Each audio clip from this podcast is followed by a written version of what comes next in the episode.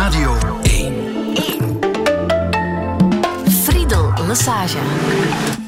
Touché. Touché met schrijver en journalist Serge Simonaar. Goedemorgen. Goedemorgen. Je hebt net een boek uit, Het leven en hoe het te leiden, omdat jij weet hoe het moet. Ehm, ik denk het wel. Ik was net naar de Eucharistieviering aan het luisteren en ik dacht, um, dat deed mij denken aan mijn boek Het leven en hoe het te leiden. En ik dacht, als een sympathieke timmerman uit Nazareth een Bijbel mag uitgeven, dan mag ik het ook. Je hebt het geschreven voor jouw zoon, hè? als een soort handleiding. Hij is nu net nog geen tien, dacht ik. Uh, hij is bijna elf. En ik heb het niet geschreven voor hem. Ik had, ik had een aantal uh, video's opgenomen, dvd's, waarin ik vertel, levenslessen gaf. Maar dan dacht ik, ik heb toch een grote doos ergens waar ik altijd nota's in heb gestoken als mij iets opviel aan het leven over relaties en studies en hiërarchie en, en de samenleving en omgaan met andere mensen en valkuilen in de maatschappij en zo. En dan bleek dat ik vier van die dozen had. En dat ik dus echt, uh, niet de laatste paar jaar, maar de, de eerste 35, 40 jaar geleden, 40 jaar aan een stuk, elke keer als mij iets was opgevallen, over het leven, had ik daar meteen een nota van gemaakt en in een van die dozen gegooid. En dat was 800, 900 bladzijden. En ik dacht, dat gaat niemand willen lezen. Dus het zijn er maar, ik denk, 370. Maar ik ben er zelf eigenlijk van geschrokken, in positieve zin, hoeveel Um, dat mag ik niet zeggen van mijn eigen boek. zeggen hoeveel waarde het heeft, maar um, ja, hoe, nuttig het is en, en hoeveel van wat ik zeg nergens anders wordt gezegd. Niet op de universiteit, niet op school, ook niet door de ouders, want die hebben geen tijd daarvoor. Die zijn te veel bezig met de praktische dingen van de opvoeding. En er is een gigantisch schat gewoon dat, dat ik denk ik heb gevoeld. Het is ook niet New Age, het is, het is ook niet van die vage blabla. Bla. Het is ook niet zoals een hoop filosofen en professors doen, nog maar eens herhalen wat Nietzsche en Kant en Hegel hebben gezegd. By the way, ik heb mij daar allemaal heel erg in verdiept en ik heb ook filosofie gehad op de universiteit. En als je naar de levens van die grote filosofen kijkt, daar zijn een hoop totale mislukkingen bij. Kant, Hegel, Nietzsche, mm Schopenhauer. Als je die als mens bekijkt, daar waren autisten bij, eh, daar waren uh, contactgestoorden bij, daar waren mensen wiens privéleven een puinhoop was. En toch zitten wij hier, eeuwen later, al die bonmots te herhalen of dat dat de grote wijsheid is. Terwijl als je die mensen nu in jouw programma zou hebben, zou je denken, wat is dat voor een geval? Serge, het is vandaag Vaderdag, hè? En dit is een soort handleiding voor jouw zoon. Heeft hij jou al bedankt?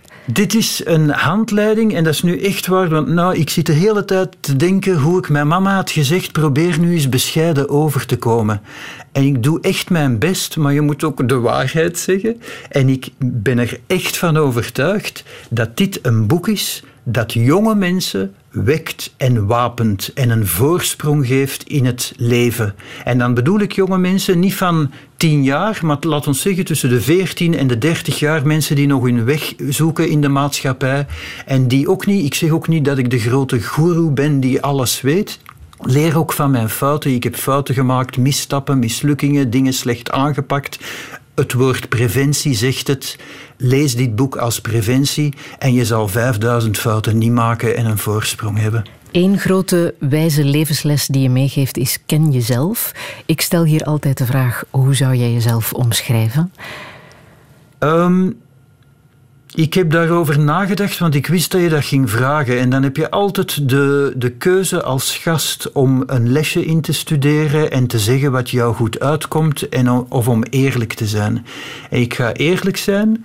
Um, de helft van wie ik ben, daar hebben mensen eigenlijk geen zaken mee, want ik vind dat privé. Uh, en er is helemaal niks ergs met mij, maar stel nu, ik zeg nu maar iets, dat mijn vader in de gevangenis zat, dan vind ik niet dat iedereen dat moet weten. Ten eerste ben ik het niet die in de gevangenis zit, maar mijn vader, bij wijze van voorbeeld. Ik denk dat hij luistert, dus sorry papa. Het is maar een voorbeeld. Maar ik vind sommige dingen echt privé. Ik moest voor Humo een paar jaar een column maken, een zomercolumn over reisbestemmingen en zo. En eigenlijk dacht ik, ik wil helemaal niet dat mensen lezen waar ik naartoe ga, want ik wil daar in alle rust eh, weg zijn van België en boeken lezen en mij kunnen concentreren. En uh, ik, ik, vind, ik, ik, hecht heel erg aan mijn privacy. Maar wat wil je wel vertellen? Wat um, mogen we wel weten als ik, ik jou denk, vraag hoe ze, zou je denk, jezelf Oké, okay, ik zal heel kort zijn. Eén, mensen denken altijd Um, ah, ik ben trouwens vergeten, want ik ging jou vragen om te luisteren naar de opname waarin David Bowie mij vraagt om suggesties voor zijn setlist voor zijn concerttournee. Want iedereen denkt dat ik dat verzonnen heb, omdat ik dat ooit op tv er heb uitgeflapt toen ik emotioneel was, toen hij pas dood was. En ik heb onlangs ontdekt dat hij dat wel degelijk heeft gezegd op tape. Dus ik heb het teruggevonden, dus ik kan het zelfs bewijzen. En in verband daarmee zou ik willen zeggen, mensen denken altijd dat ik het geweldig belangrijk vind dat ik al die beroemde mensen heb gekend, dat kan mij echt geen bal schelen. Wat mij interesseerde als journalist, dat was ten eerste mijn plan trekken, een boeiende ervaring meemaken. Mensen ontmoeten die ik zonder de journalistiek als alibi nooit zou ontmoet hebben.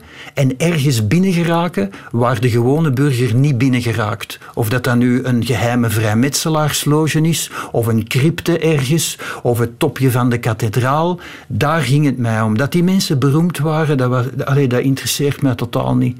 En los daarvan denk ik dat mensen daarom een verkeerd beeld hebben van mij, want ik ben eigenlijk een heel emotionele, uh, gevoelige, um, een beetje introverte, niet verlegen, maar zeker introverte mens die eigenlijk buiten zicht wil blijven. Ik kan er bijvoorbeeld niet tegen als mensen, en dat gebeurt alsmaar meer, nu niet met corona natuurlijk, maar als mensen, ook al zijn ze vriendelijk, na een concert uh, mij aanklampen om te vragen wat ik ervan vond. Wat heel vaak gebeurt, omdat, hè, omdat ze mij kennen in de zin van hè, popmuziek enzovoort. En ik wil dat niet, want ik, ben, ik ga straks naar Tosca kijken, naar de opera, een matineevoorstelling in de munt.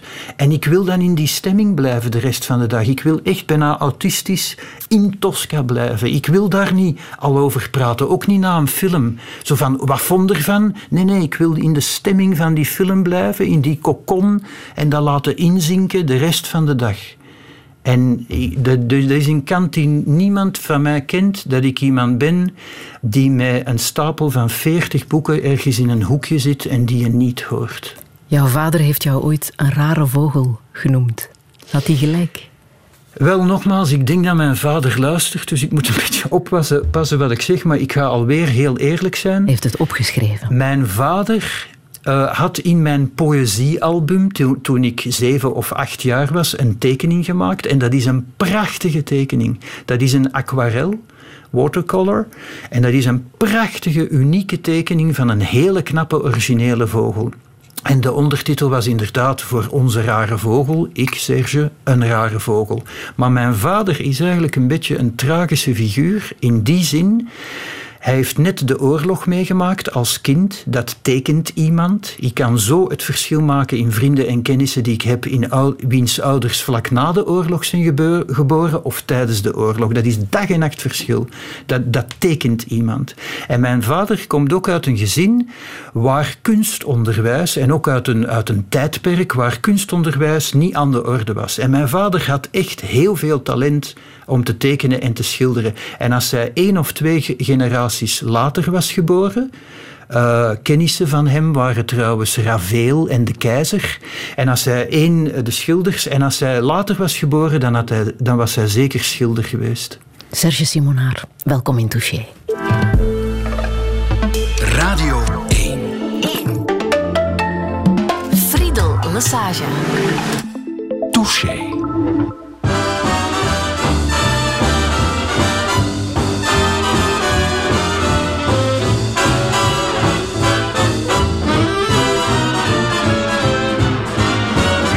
All about the things you can do every time you make a pitch. If you're so smart, how come you ain't rich? You claim to have picked every horse that won, cause you know just which is which. Yes, if you're so smart, tell me how come you ain't rich? Henry built a fort and made his pile. Woolworth used his five and ten. Rockefeller's wealth came from Standard Oil, and Waterman's came from a pen. You claim it all came from consulting you. Isn't that a brand new switch? If you're so smart, how come you ain't rich?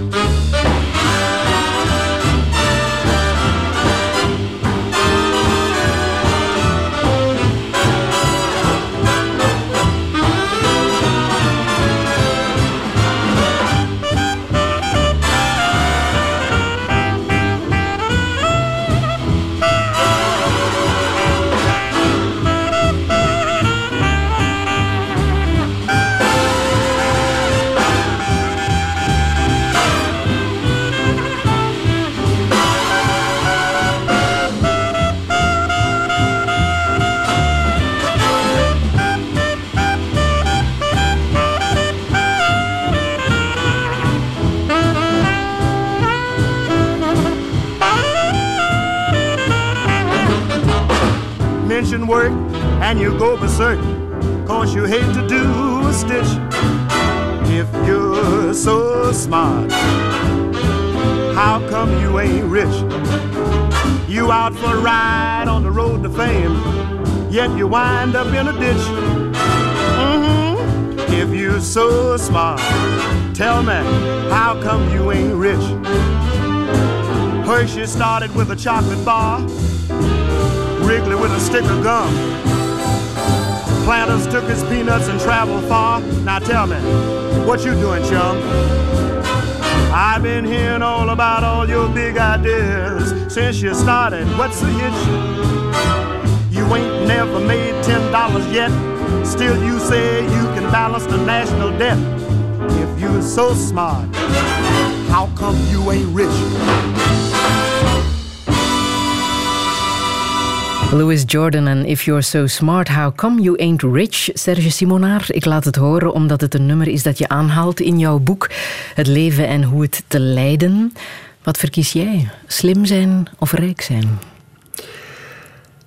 Um, natuurlijk is dat een hele onnozele vraag, Friedel.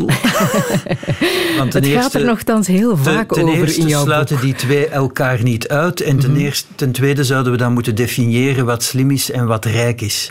En of je rijk alleen maar bedoelt geld of iets anders. Mhm. Als we terug onze sympathieke vriend Jezus nemen, dan kan je je ook vragen. Uh, ik vind de Bijbel een prachtig boek. Ik vind de tien uh, geboden heel nuttig. Ik vind de zeven hoofdzonden absoluut waar. Enzovoort. Ik had graag uh, Jezus ontmoet om van gedachten te wisselen. Misschien had ik hem nog een paar tips kunnen geven. Um, maar slim en rijk, ik denk dat ik vooral in het leven slim heb geweest. En ik zal een voorbeeld geven dat niet in het boek staat, dat ik niet in herhaling val en mensen moeten, moeten het boek maar kopen. Um, een voorbeeld dat niet in boek staat, waar ik onlangs eh, een paar dagen geleden nog een gesprek over had met een vriend uit Oostende. In der tijd heeft Keith Haring, de Amerikaanse kunstenaar, die is een tijdje in België geweest. En dat was zo een, een egotist die als een kat zijn terrein afbakende overal piste. Die moest overal tekenen. Keith Haring, hè, dat zijn die rare mannetjes, zo'n beetje pop-art-achtig. En die moest overal tekenen. En natuurlijk zijn er al in, in, dan in België een aantal slimme kerels geweest die zelfs muren hebben uitgebroken waar Keith Haring een tekeningetje op had gemaakt oh, en, en zeilen van surfplanken en die verkopen dat nu allemaal. Dat is nu allemaal duizenden euro's waard omdat Keith Haring A dood is en B de, het galeriewezen zijn uh, prijzen heeft omhoog gestuurd. En ik had toen ook tekeningetjes kunnen kopen van het Keith Haring, want ik zat toen aan de bron, ik was toen aan de kust en ik kende een paar van die mensen.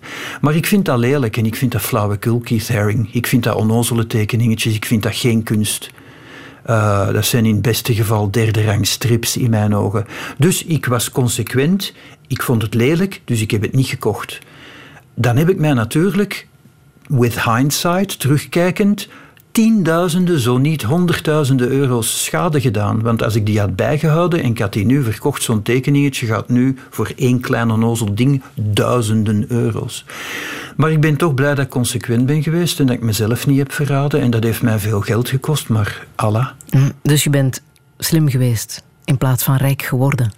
Um, Kijk, ik ben een van de minst arme journalisten. Dan kan je weer, van België. Dan kan je weer uh, discussiëren wat is arm en worden journalisten slecht betaald of niet enzovoort. Het is een eindeloze discussie, maar ik vind dat je altijd moet kiezen. Ten eerste voor plantrekkerij.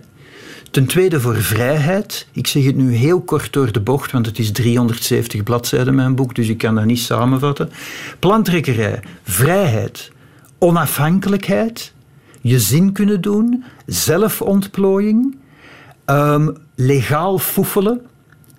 Ehm, ja, daar bedoel ik mee dat je de regels. Ik vind dat je aan de regels moet houden, nu ook met corona. Ik vind al die kwieten, uh, die, die onverantwoordelijke uh, randdebielen van Laboom en zo, die geen mondmasker dragen. En ik vind dat gewoon achterlijk. Ik, vind, ik, ik misprijs dat extreem. Je moet je aan de regels houden, anders ben je gewoon dom en contraproductief en onverantwoordelijk. Maar je mag wel de grenzen opzoeken dat je voor jezelf een aangenaam leven hebt door zo'n beetje uh, aan plantrekkerij te doen. En ik heb dat met de journalistiek, dat was voor mij één grote plantrekkerij. Niemand heeft mij iets aangeboden op een gouden schoteltje. Niemand heeft mij kansen geboden. Ik heb heel sluw uitgezocht. Wat moet ik nu zorgen om te zorgen dat ik genoeg verdien, mijn zin kan doen, aan niemand verantwoording moet afleggen, mijn eigen weg kan volgen, niet moet doen wat een hoofdredacteur zegt, niet op een bureau moet zitten van 9 to 5, niet in de film moet zitten, enzovoort, enzovoort. Al die dingen zijn perfect gelukt. Dus wat dat betreft ben ik rijk. Maar ik ben er zeker van dat ik als architect of als uh, handelaar in aandelen of in, ah, in immobiliën, dat interesseert mij ook, veel meer geld zou verdiend hebben. Mhm. Kan ik zeggen dat um, alles wat je verzameld hebt in dit boek ook een beetje het bewijs is van jouw late midlife-crisis? Um, ja, maar ten eerste vind ik de midlife crisis een, uh, crisis een mythe. Ik vind de midlife crisis, dat is vaak een excuus voor van die mannen van 50 die hun vrouw nog eens willen bedriegen. Of dat soort dingen. Dan wordt de midlife crisis haastig in dat huis was bij jou niet als het geval? alibi en excuus. Uh, ik denk dat elk mens die een beetje nadenkt, de, zijn hele leven door in crisis is. En zeker in deze maatschappij, in deze tijden. En hoe meer je nadenkt, dat is een van mijn stokpaardjes. En dat is een bon mot dat ik zelf heb bedacht. Ik denk dat er 70 of 80 in staan in mijn boek die ik zelf heb bedacht. Dus niet nog maar eens de filosofen afschrijven. Maar dit is allemaal informatie uit de eerste hand. Um, en een van mijn bon mots is niet alleen kennis is macht, maar kennis is ook onmacht. Hoe meer je weet, hoe lastiger leven je hebt en hoe meer dingen wegen en hoe moeilijker je van de grond geraakt. Maar is het dan een goed idee om dit allemaal te weten, bij wijze van spreken, natuurlijk, bij de geboorte? Omdat er, natuurlijk, omdat er ook zoiets bestaat als preventie. Preventie, ik, ik, ik zou... Maar het is misschien net ook de fun van het leven om het allemaal te ontdekken. Uh, mijn vrouw, de slet, is nu niet aan het luisteren, want die heeft een, uh, een feestje met haar vriendinnen nu. Dus wat ik zeg, interesseert haar werkelijk geen bal. Waarvoor ontroerde dank. Um, daar, daarom ben ik blij met lezers van het boek, want thuis maak ik me geen illusies. Um, het grote verschil tussen mijn vrouw is, ik geloof in preventie. Zij is het meer het type eerst kop tegen de muur en dan A zeggen en dan verbaasd zijn dat pijn doet. Ik lees een handleiding, zij leest nooit een handleiding.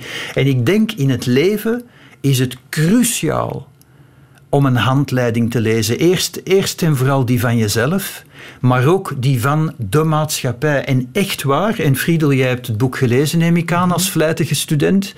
Uh, ik zie al bewondering in je ogen. Maar zeg eens eerlijk, staan er een hoop dingen in waarvan je zegt, ah tja, en dat, ja, dat is juist en dat is wel waar enzovoort, of denk je gewoon, het is onzin?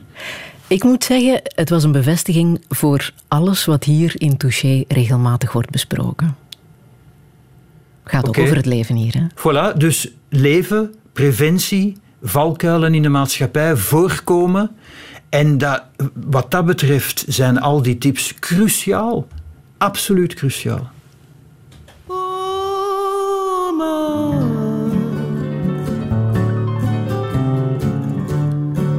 de Taquitim, bode chambei,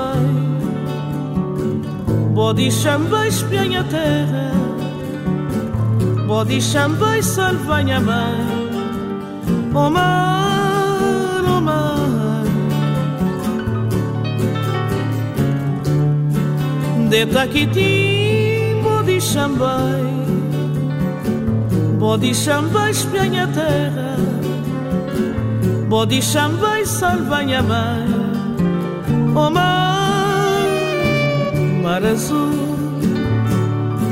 Subi mansinho Lua cheia Lumia caminho.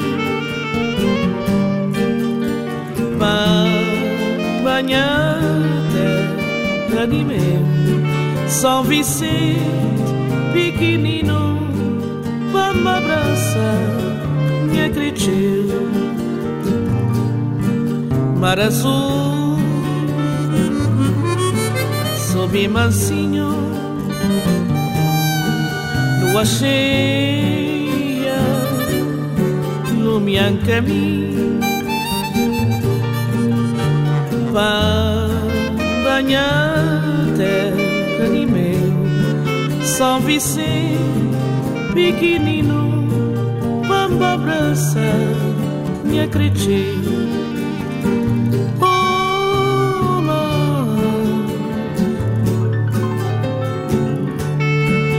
Ano passado, tempo correr, sol e a lua sair. A miose na terra nos o mar,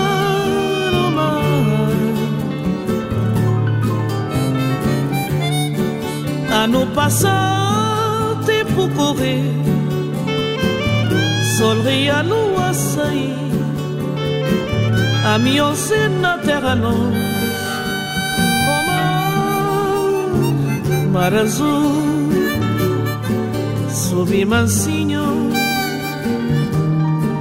lua cheia iluminan caminho para banhar terra de meu São Vicente pequenino vamos abraçar minha cretinho Mar Azul van Cesaria Evora, de Capverdische diva op blote voeten. Serge Simonaar, waaraan denk jij als je dit nummer hoort? Um, ten eerste heb ik haar een keer of drie ontmoet en zij was een ongelooflijke vrouw. Echt ongelooflijke over plantrekkerij gesproken.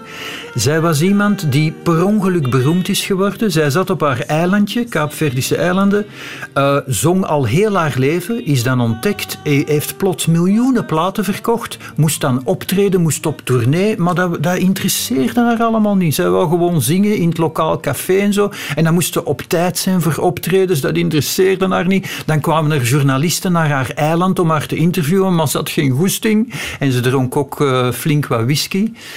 Um, en, en zij was gewoon iemand die haar leven leidde. En iedereen, of het nu CNN was, of de New York Times, of Serge Simonaar, die moesten zich maar aanpassen aan haar tijdsindeling en of dat ze goesting had of niet. En uh, wij zijn op het strand gaan... Uh, ja, gewoon gaan babbelen in de branding, met de blote voeten in de branding. En ik snapte de helft niet van wat ze zei, want ze sprak niet alleen Portugees, Braziliaans, maar echt met die Kaapverdische dialecten en zo. Daar en mijn Portugees is sowieso zeer slecht.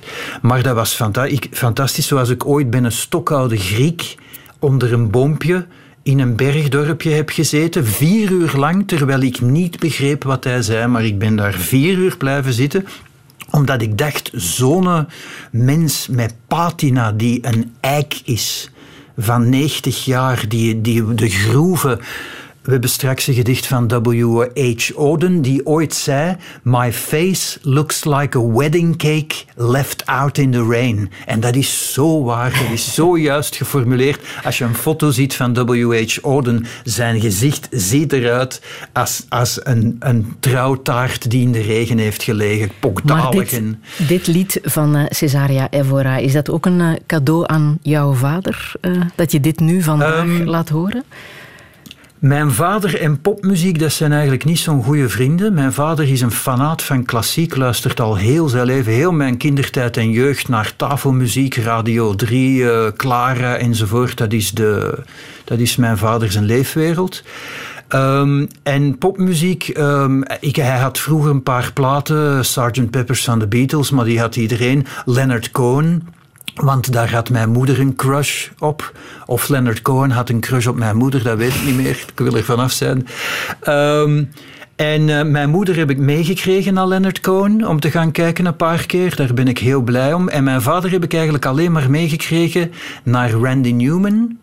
Uh, die nog genade vindt in zijn ogen. En naar Cesaria Evora. Omdat dat muziek is die hem gelukkig maakt. Mm -hmm. En ik krijg een krop in mijn keel als ik het zeg. Ja. En ik ben heel blij dat hij dat heeft gezien. En dat dat leeft in hem. En dat die muziek hem blij maakt. Ah.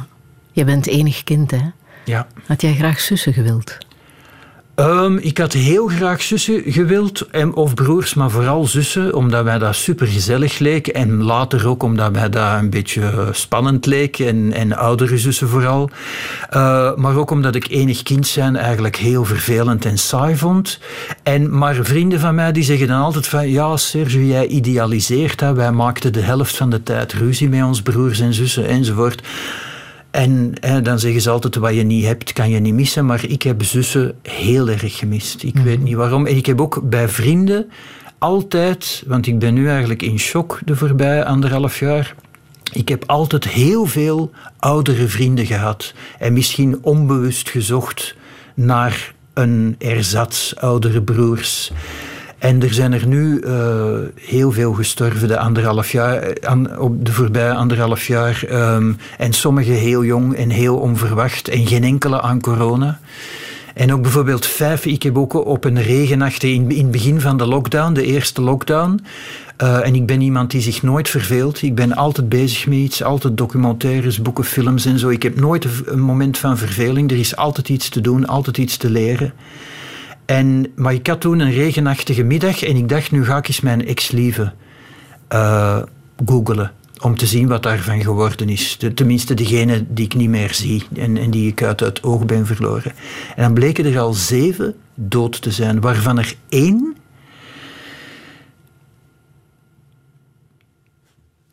Waarvan er één um, werd begraven in een kerkje achter mijn hoek een week eerder en ik wist het niet. En dat was een prachtig meisje, echt heel mooi, heel lief, heel puur ook. Mensen, iets oudere mensen zullen zich herinneren die die reclames van Sparijn vroeger in zwart-wit met zo'n een foto met uh, een, een halfnaakte vrouw die heel sec, heel sereen, heel niet, sens, niet sensueel, maar gewoon puur natuur. Zo was zij. Heel mooi, maar vooral puur natuur. Gezond dus. Die straalde gezond uit elke porie. En die is heel jong uh, gestorven aan kanker uh, en ik wist het niet. En ze werd begraven achter mijn hoek en ik was niet uitgenodigd en ik wist het niet. En dat, zo, en dat, dat soort dingen heb ik de voorbij, denk ik, anderhalf jaar um, 22 of 23 keer meegemaakt. Mm -hmm. Ben jij als enige zoon ook een zorgende zoon? Want je bent natuurlijk de enige die zich zorgen kan maken over, over zijn ouders. Hè? Um, nu moet ik alweer heel erg oppassen wat ik zeg. Ze luisteren. Want, want mijn ouders luisteren. En het is heel moeilijk om te zorgen voor mijn ja? ouders. Want dat zijn beschaafde, lieve, intelligente um, mensen. Slimme mensen, maar die ook heel snel, heb ik nu gemerkt, het gevoel hebben um, dat ze betutteld worden. En dat ze, ze zijn nu achteraan in de tachtig. Um, en dat uh, mijn vader ziet er maar veertig uit, moet ik er dan bij zeggen, van hem. Um, maar die dus heel snel het gevoel hebben, ook mijn moeder, van zeg, ik ben nog niet seniel, hè, of, uh, of uh, ik ben nog niet zo oud. Als ik zeg, mama, papa, je moet niet meer de struiken snoeien op een ladder, dan beschouwt hij dat bijna als een belediging. En als ik zeg tegen mijn moeder, jij moet niet meer het onkruid uitdoen op jouw, op jouw 86 jaar, dan, dan beschouwt ze dat ook zo van, zeg, ik ben nog maar 86, hè, geen 186. Dus het, het is niet makkelijk. Mm -hmm. Maken zij zich zorgen om jou, hun enige zoon? Um, ik zal ook heel eerlijk antwoorden. Mijn ouders zijn van het type die altijd heel erg op hun tong hebben gebeten En als ze zich zorgen maakten om mij, of als ze dingen graag wilden van mij, dat niet hebben gezegd. En ik zal één voorbeeld geven. Toen ik um, op mijn vijftigste um, vader werd en mijn vrouw was zwanger, um, die een stuk jonger is, maar ook weer niet zoveel jonger, en we gingen een kind krijgen, toen pas bleek dat mijn mama heel erg had gehoopt op oma worden. Maar ze had daar nooit een woord over gezegd om mij niet onder druk te zetten en om mij niet te beïnvloeden. Dat zegt alles over mijn ouders.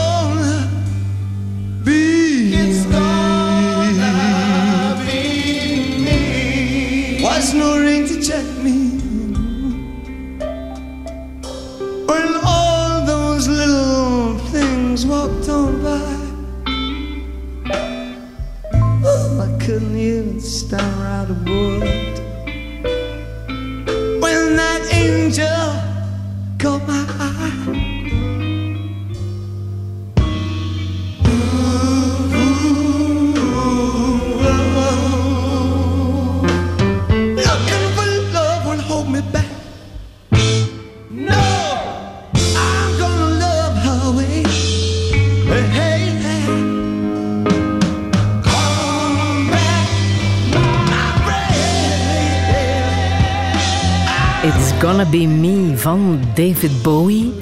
Geweldig nummer, fantastische versie, Serge Simonaar. Hij kon natuurlijk niet ontbreken, hè, David Bowie. Um, ik heb, je, je beseft dat David Bowie vooraf afbreken voor het nummer gedaan is, dat is heilig Ja, ik weet het. Oké. Ik heb heel, heel erg mijn best gedaan om vooral weg te blijven van David Bowie. Uh, maar het is mislukt. Omdat dit een prachtig nummer is dat bijna niemand kent. En hij zingt het mhm. zo fenomenaal, passioneel. Uh, zij lief van toen stond op podium. Dus ik denk dat hij ze in bed wil krijgen of dat hij ze wil, onder de indruk brengen. Uh, het, het, is echt fantastisch. En ik, ik had... Ik, ik gruw echt om er iets over te zeggen, omdat dan weer mensen gaan, oh, hij wil zich weer interessant maken met Bowie en bla bla bla. Maar ik had kippenvel er juist en ik kan nog altijd niet geloven dat hij dood is. En het was fantastisch wat ik ermee meegemaakt. En nog, nog iets, want er straks hadden we het over uh, mensen die sterven of zoiets. Ik ga ook mijn, om, ah nee, omdat ik zei een Bijbel hè, met Jezus. Ik heb ook een Bijbel geschreven, hoe, het leven en hoe het te leiden. En uh, ik verwittig mensen dat ze nog kunnen emigreren als het hen niet bevalt. Maar ik ben ook nog eens van plan om mijn memoires te schrijven binnen tien jaar of zoiets, als ik zo lang leef. En daar gaan echt dingen in staan waarvan alweer iedereen zal zeggen dat ik het verzin, maar whatever. Uh, maar ik heb fenomenale dingen meegemaakt, ook met Bowie, dat ik, denk, dat ik soms zelf soms denk twee dingen. Ten eerste, wauw, heb ik dat ook al meegemaakt? Dat ik was dat vergeten. En ten tweede, dat ik het echt niet kan geloven. Mhm. Toen hij stierf, werd jij inderdaad gebeld uh, en uitgenodigd in programma's om uh, over hem te vertellen. Toen heb je um, heel veel over je heen gekregen. Hè? Bespot op sociale media uh, als de artist formerly known als uh, Serge. Um, je hebt zelf ook een klacht neergelegd uh, bij de Raad voor Journalistiek. Een klacht die ongegrond werd verklaard. Um, hoe kijk je daar nu zelf op terug? Hoe is dat bij jou allemaal aangekomen? Ik kan me voorstellen dat het jou heeft geraakt, want anders dien je geen klacht in. Wel, Um, het raakt mij totaal niet. Laat ik daar duidelijk over zijn. Dat is 100% eerlijk. Hè. Het kan mij geen bal schelen. Er zullen altijd jaloerse mensen zijn. Er is nu bij P-magazine, dat bestaat eigenlijk al niet meer, dat is alleen op Tinter, een P-magazine, is er een twaalfde rangjournalist die maar al te graag bij Humo zou werken en maar al te graag mij zijn en maar al te graag zou meemaken wat ik allemaal meemaak. En die heeft dit boek, Het leven en hoe het te leiden, dat overal, tot, alleen niet tot mijn verbazing, want ik heb, ik heb er hard aan gewerkt, maar dat overal goede reacties krijgt, heeft hij afgebroken in twee zinnen dan denk ik, jij kinderachtige conculega, zeg dan toch gewoon, ik, ik werk bij P-magazine, concurrent van Humo, ik ben een concurrent van Serge Simonaar, ik ben kleinzielig en cynisch, dus ik breek dat in drie zinnen af. Wees dan gewoon eerlijk. Ik ben jaloers op Serge Simonaar. Maar mensen doen dat niet. Ik heb twee dingen gewerkt. Ten, eerste, als je het hebt over die klacht van journalistiek, dat ga ik nog eens zeggen voor iedereen die het kan horen. Wat was dat? Dat waren drie en goed luisteren, hè, want die zegt hallucinant. Drie journalisten, die dus zelf gebonden zijn aan een erecode van eerlijkheid en correct gedrag en bronvermelding. Drie journalisten die anoniem totale leugens over mij gingen vertellen in het roddelblad Dag Allemaal, die een concurrent is van Humo. Dus dat is vijf keer fout.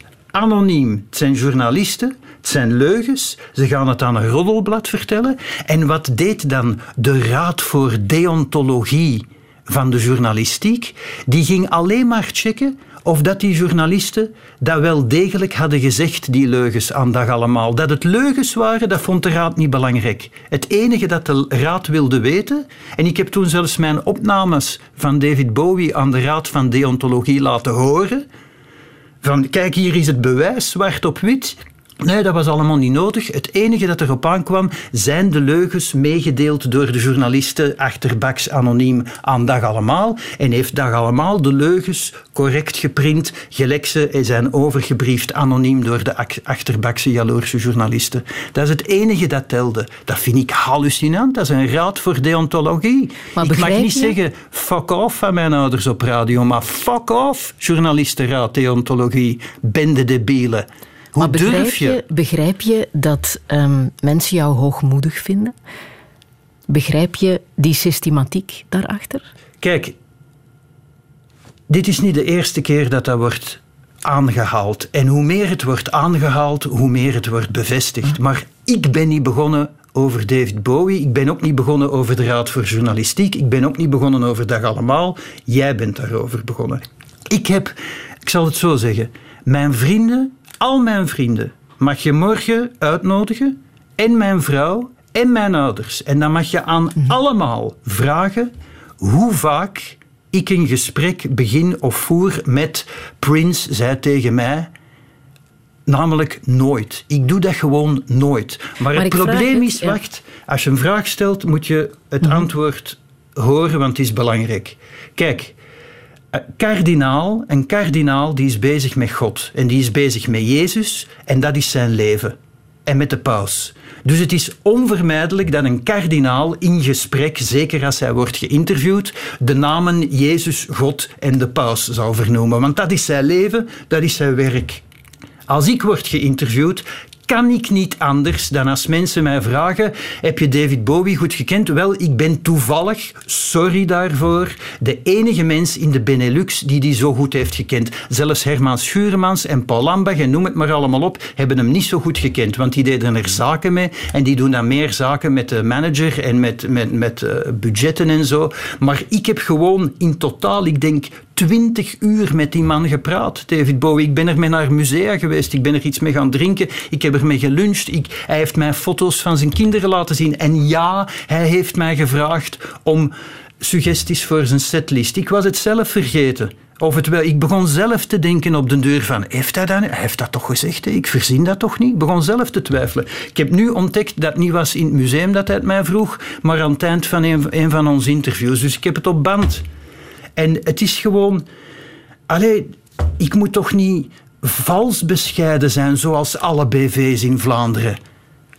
Maar het is heel duidelijk dat het een, een stigma is dat, dat heel hard op jou weegt. Hè? Maar dat heeft ook Het te maakt jou nog altijd zo kwaad. Dat heeft het, het maakt... Nee, nee, het kan mij niet schelen. Wat mij kwaad maakt, is dat zelfs de journalistieke raad voor deontologie meehult met een roddelblad als dag allemaal. Tegen Humo en tegen mij en tegen de waarheid. Dat maakt mij kwaad, want dat is gewoon een aanfluiting van de journalistiek. En van de deontologie. Ze moesten zich schamen. Dat maakt mij kwaad. Maar dat er mensen op het internet Jongens, als ik mij daarmee moet bezighouden, dat is gewoon onvermijdelijk. Er zijn ook, denk je niet dat er vrouwen zijn of, of andere mensen van de VRT die ook graag touché zouden presenteren en die achter jouw rug slechte dingen van jou zeggen? Het verschil is nu, vroeger was iedereen jaloers op, in het dorpscafé. En nu zijn, je, zijn ze jaloers op de sociale media. So what? Ga je gang. Het verandert niks aan mijn leven. En het probleem daarbij is, als ik als journalist, ik zeg nu maar iets, alleen maar ehm, mensen die in de riool werken had geïnterviewd, daar is niemand jaloers op. Want dan moet ik niet naar Los Angeles, New York, Miami, Londen, Parijs. Dan ga ik niet op andermans kosten op reis. Dan krijg ik al die cd's niks voor niks. Dan krijg ik al die concerttickets niet voor niks. En dat zijn geen beroemde mensen. Maar als je gewoon probeert je werk goed te doen, 40 jaar lang, en het is nu eenmaal zo dat een hoop van die mensen beroemd zijn, sorry, dan wekt dat naijver op. Ik, eh, ik zal je zeggen, toen ik, ik ben heel jong begonnen met journalistiek. Ik, was 14 toen ik mijn eerste artikel maakte, 14 jaar. En ik geloof 18 toen ik mijn eerste artikel voor Humo maakte, of 19, ik ben het vergeten. Ehm, en toen dacht ik echt dat ik veel vrienden zou maken in de journalistiek en in de popmuziek. En dat we dan samen naar concerten zouden gaan en samen praten daarover en zo. Dat is nooit gebeurd. Want alle andere journalisten waren jaloers op mij. Want die wouden ook bij New York, in New York bij David Bowie gezellig op de koffie, bla bla bla. Die wouden ook naar Paisley Park bij Prince. Die wouden ook, noem het maar op. Ehm, en, en de andere mensen, zelfs vrienden van mij, jeugdvrienden van mij, die ook plots vervelend begonnen te doen. En dat, en, en dat is gewoon omdat ik dat allemaal deed en zij niet. Dat wekt naijver op. Het is geen toeval dat het woord fan, een fan zijn van een artiest, is het, eh, de afkorting van fanatic. Dat is geen, ik heb dat meegemaakt eh, dat ik toevallig op de eerste rij zat bij Lou Reed. Toevallig, ik, had die, ik heb daar niet om gevraagd. Ik gruw het om op de eerste rij te zitten bij Lou Reed. Lou, Lou staat anderhalve meter van, neu- van mijn neus en ik wil ook niet dat Lou denkt van hey, Simonaar heeft geëist om op, de eerste pla- eh, om, de- om op de eerste rij te zitten. Nee Lou, nee Lou. Ik wil in Tonker zitten, anoniem. Maar ze hadden mij en mijn toenmalige vriendin tickets gegeven in Vorst voor Berlin op de eerste rij. En, en dan, dan duik ik gewoon weg, maar dan hoor ik mensen achter mij zeggen: Oh god, hij moest weer op de eerste rij zitten. Tch. Maar kan jij je daar niet over zetten? over die jaloezie? Maar ik heb, ik heb mij daar al heel lang over gezet. Ik, ik maak mij nu, ja, maar ik maak mij nu druk omdat jij erover begint, alweer. En omdat ik gewoon het. Ik de, jaloezie kan mij, de jaloezie kan mij niks schelen en de kritiek kan mij en, en de roddel op het internet kan mij allemaal niks schelen. Er zijn maar twee dingen die mij kunnen schelen en die maken mij dan ook kwaad. Mhm. Namelijk A, dat ik, om maar één ding te noemen in mijn leven, uh, en nu ben ik impotent, dus het is niet erg niet meer. Um, maar vroeger, als ik mooie meisjes tegenkwam, één meisje op de twee, die zei...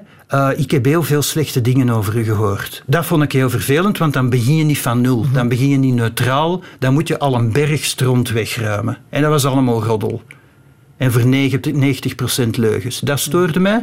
Maar wat mij veel meer stoort, nogmaals, is dat de Raad van Deontologie van Journalistiek, die gewoon zouden moeten zeggen: dag allemaal is roddelblad. Roddelen mag niet, liegen mag ook niet, zeker niet als je het niet kunt staven. Als ik het dan nog wel staaf, dat dat dan niet telt, dat het dan nog journalisten zijn en die het anoniem doen, achterbaks. En ik weet wie ze zijn, want ik heb, het, er een detectieve op gezet. Ik weet wie ze zijn en ik onthoud het. Maar dus drie journalisten, één van de morgen toen, één van Nieuwsblad of het laatste nieuws, dat ben ik vergeten, en nog iemand anders, uh, die gewoon anoniem leugens gaan vertellen aan het grootste rollenblad van Vlaanderen en dat de Raad van Deontologie dan nog zegt van oh ja, oké, dat passeert, want de leugens zijn correct weergegeven. Jezus.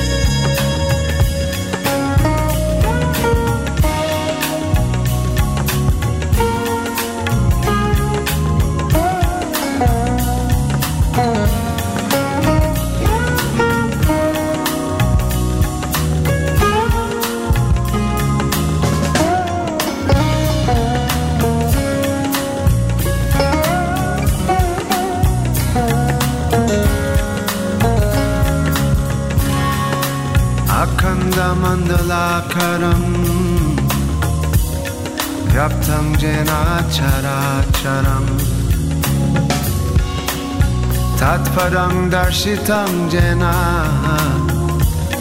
तस्मै श्रीगुरुवे नमः तस्मै श्रीगुरुवे नमः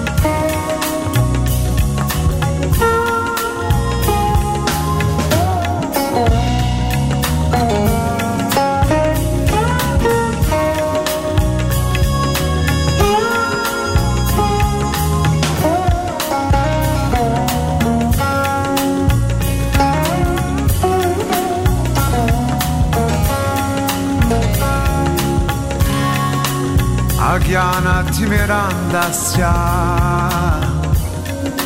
Nananjanan Shalakaya Chakshurun Militam Jena Tasmai Shri Guruve Namaha. Tasmai Shri Guruve Namaha.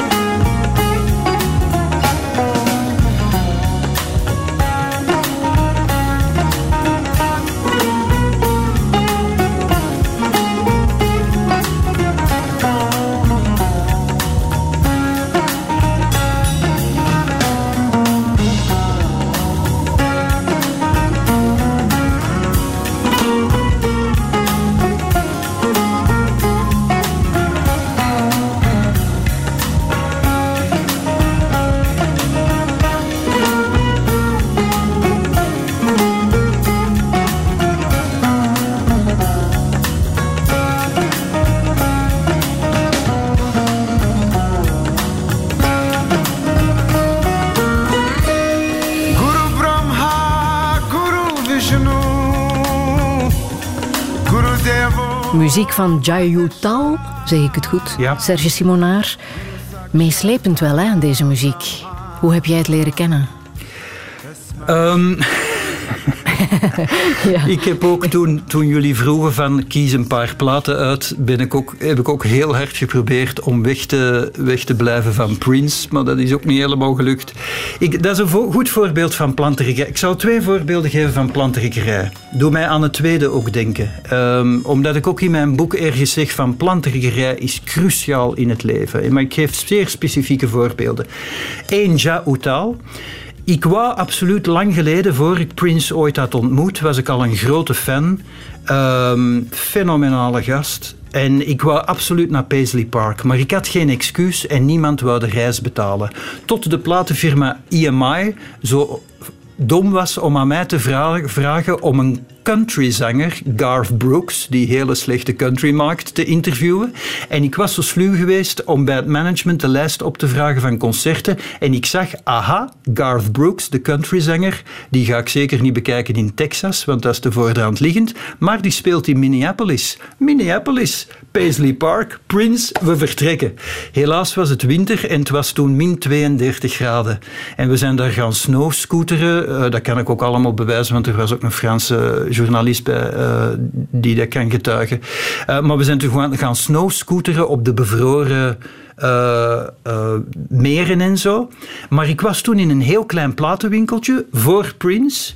En ik hoor deze muziek en dat was zo'n openbaring. Dat was zo prachtig. Het moment was juist. Dat is ook zo oosters, zo exotisch. En het was min 32 en er lag zonder overdrijven twee meter sneeuw. Um, en dat was gewoon zo'n zo uniek, uniek moment. En ik, ik heb direct gevraagd wie is dat. En ik heb toen twintig cd's gekocht om weg te geven aan, aan mensen die ik graag heb. Omdat ik vond dat dat iedereen... En dat is hier niet verkrijgbaar en niemand kent die mensen. En daar kan ik ook niet tegen. Ik heb een heel groot underdog gevoel dat mooie muziek, ik denk dat er een soort uh, missionaris in mij zit. Uh, ik heb voor jouw programma ook naar de Eucharistieviering geluisterd een mooi moment. Um, en ik, ik denk dat ik mensen. Een van de mooiste momenten die ik heb meegemaakt was David Sylvian. Ook iemand die ik tamelijk goed ken en die ik heel graag heb en die heel, hele mooie muziek maakt die je veel te weinig hoort op de radio. David Sylvian die gaf een optreden al lang geleden in de Elisabethzaal in Antwerpen. En ik stond toen te wachten op mijn toenmalige vriendin uh, die ik net had buitgemaakt. Heel mooi meisje, maar die was 40 minuten te laat. Dus ik heb 40 minuten op dat mens staan wachten aan de ingang. En op die 40 minuten, ik overdrijf niet, ben ik door 50 of 60 mensen aangeklampt die allemaal zeiden: Ik heb dankzij u David Sylvian leren kennen en ik vind dat prachtige muziek. En ik krijg weer een krop in de keel. Daar doe je het voor. Dat is waar het om gaat. En dan het tweede voorbeeld van plantentrekkerij in verband met Prince, heel kort. Ik moest naar het leger. Ik ben een van de laatste die nog legerdienst moesten doen. Verplichte ah. legerdienst in Duitsland tien maanden. En ik was toen journalist bij het Korpsjournaal, het blad van het leger. Mhm. En ik dacht, oh nee, Prince speelt in het Sportpaleis in Antwerpen met de Sign of the Times Tour. En ik zit hier, die dag zit ik op manoeuvres op de Lüneburger Heide, eh, op duizend kilometer van Prince. En ik moet dan ook nog een generaal interviewen. Hoe ga ik in godsnaam op tijd bij Prince En ik heb dat als volgt gedaan. Ik heb heel de dag die generaal ontweken, omdat ik wist dat hij s'avonds met een helikopter werd teruggebracht naar zijn huis in Keulen. En ik dacht, oké, ik, ga, ik stel aan de generaal voor om het interview te doen in de helikopter. We vliegen naar Keulen. Dan heeft de generaal mij nog een lift aangeboden van uh, de luchthaven van Keulen naar het station van Keulen. Daar heb ik de expresstrein gepakt en een taxi naar het Sportpaleis. En ik kwam binnen als de tonen van Sign of the Times begonnen. Dat is leven. in dat bewuste boek van jou, Het leven en hoe het te leiden, staat ook dat je bijvoorbeeld met uh, je zoon een twintigtal films kan bekijken die er toe doen. En één van die films is The Big Lebowski. Kan jij in één zin zeggen waarom? Dit is trouwens muziek uit die film. Laat ik ondertussen al even horen. The Big Lebowski van de Coen Brothers. Ik ben niet fan van alles van de Coen Brothers, want ze hebben films met onge ongelooflijk veel gratuit geweld. En ik kan daar niet goed tegen. Uit elkaar spattende hoofden en zo, eh, met kogels en zo. Ik, ik hoef dat niet. Maar The Big Lebowski is gewoon een unieke film. Dat is zogenaamd een komische film. Maar er is geen enkele andere komische film of tv-serie die dat unieke universum op die toon, met die one-liners, die sfeer. Het is werkelijk fabelachtig. Dat is nu iets waar ik zo jaloers op ben. Dat is zo perfect. En mensen die dat niet snappen, die, en ik, ik ken er zo zelfs een paar goede vrienden die zeggen van ja, zo goed vond ik dat niet. Dan denk ik, hoe kan je daarnaast kijken? Dat je alles daaraan, de subtiliteit, de dubbele bodems, die personages, die, oh, dat is zo fantastisch. Big Lebowski, we noteren het. Serge Simonaar. Dit is muziek uit die film van Henry Mancini.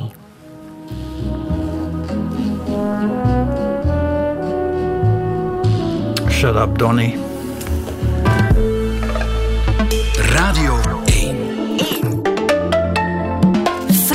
Lassage. Touché. Touché met schrijver en journalist Serge Simonaar. Al meer dan 40 jaar lang houdt hij notitieboekjes bij met daarin alle wijze levenslessen die hij op zijn pad is tegengekomen. Omdat hij als oude vader vreest dat hij zijn zoon nooit alles zal kunnen vertellen, verzamelt hij nu alles in een boek: het leven en hoe het te leiden.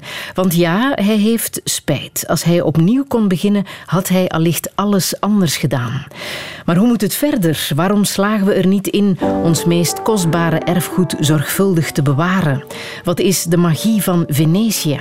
En heeft hij al nagedacht over zijn laatste woorden? Dit is Touché met Serge Simonaar. Een poor mum. After a lifetime of dreaming, poor mum, poor. Whatever became of your scheming? Nothing worked out in the way that you planned. Nothing was quite as you thought. Try very hard not to misunderstand.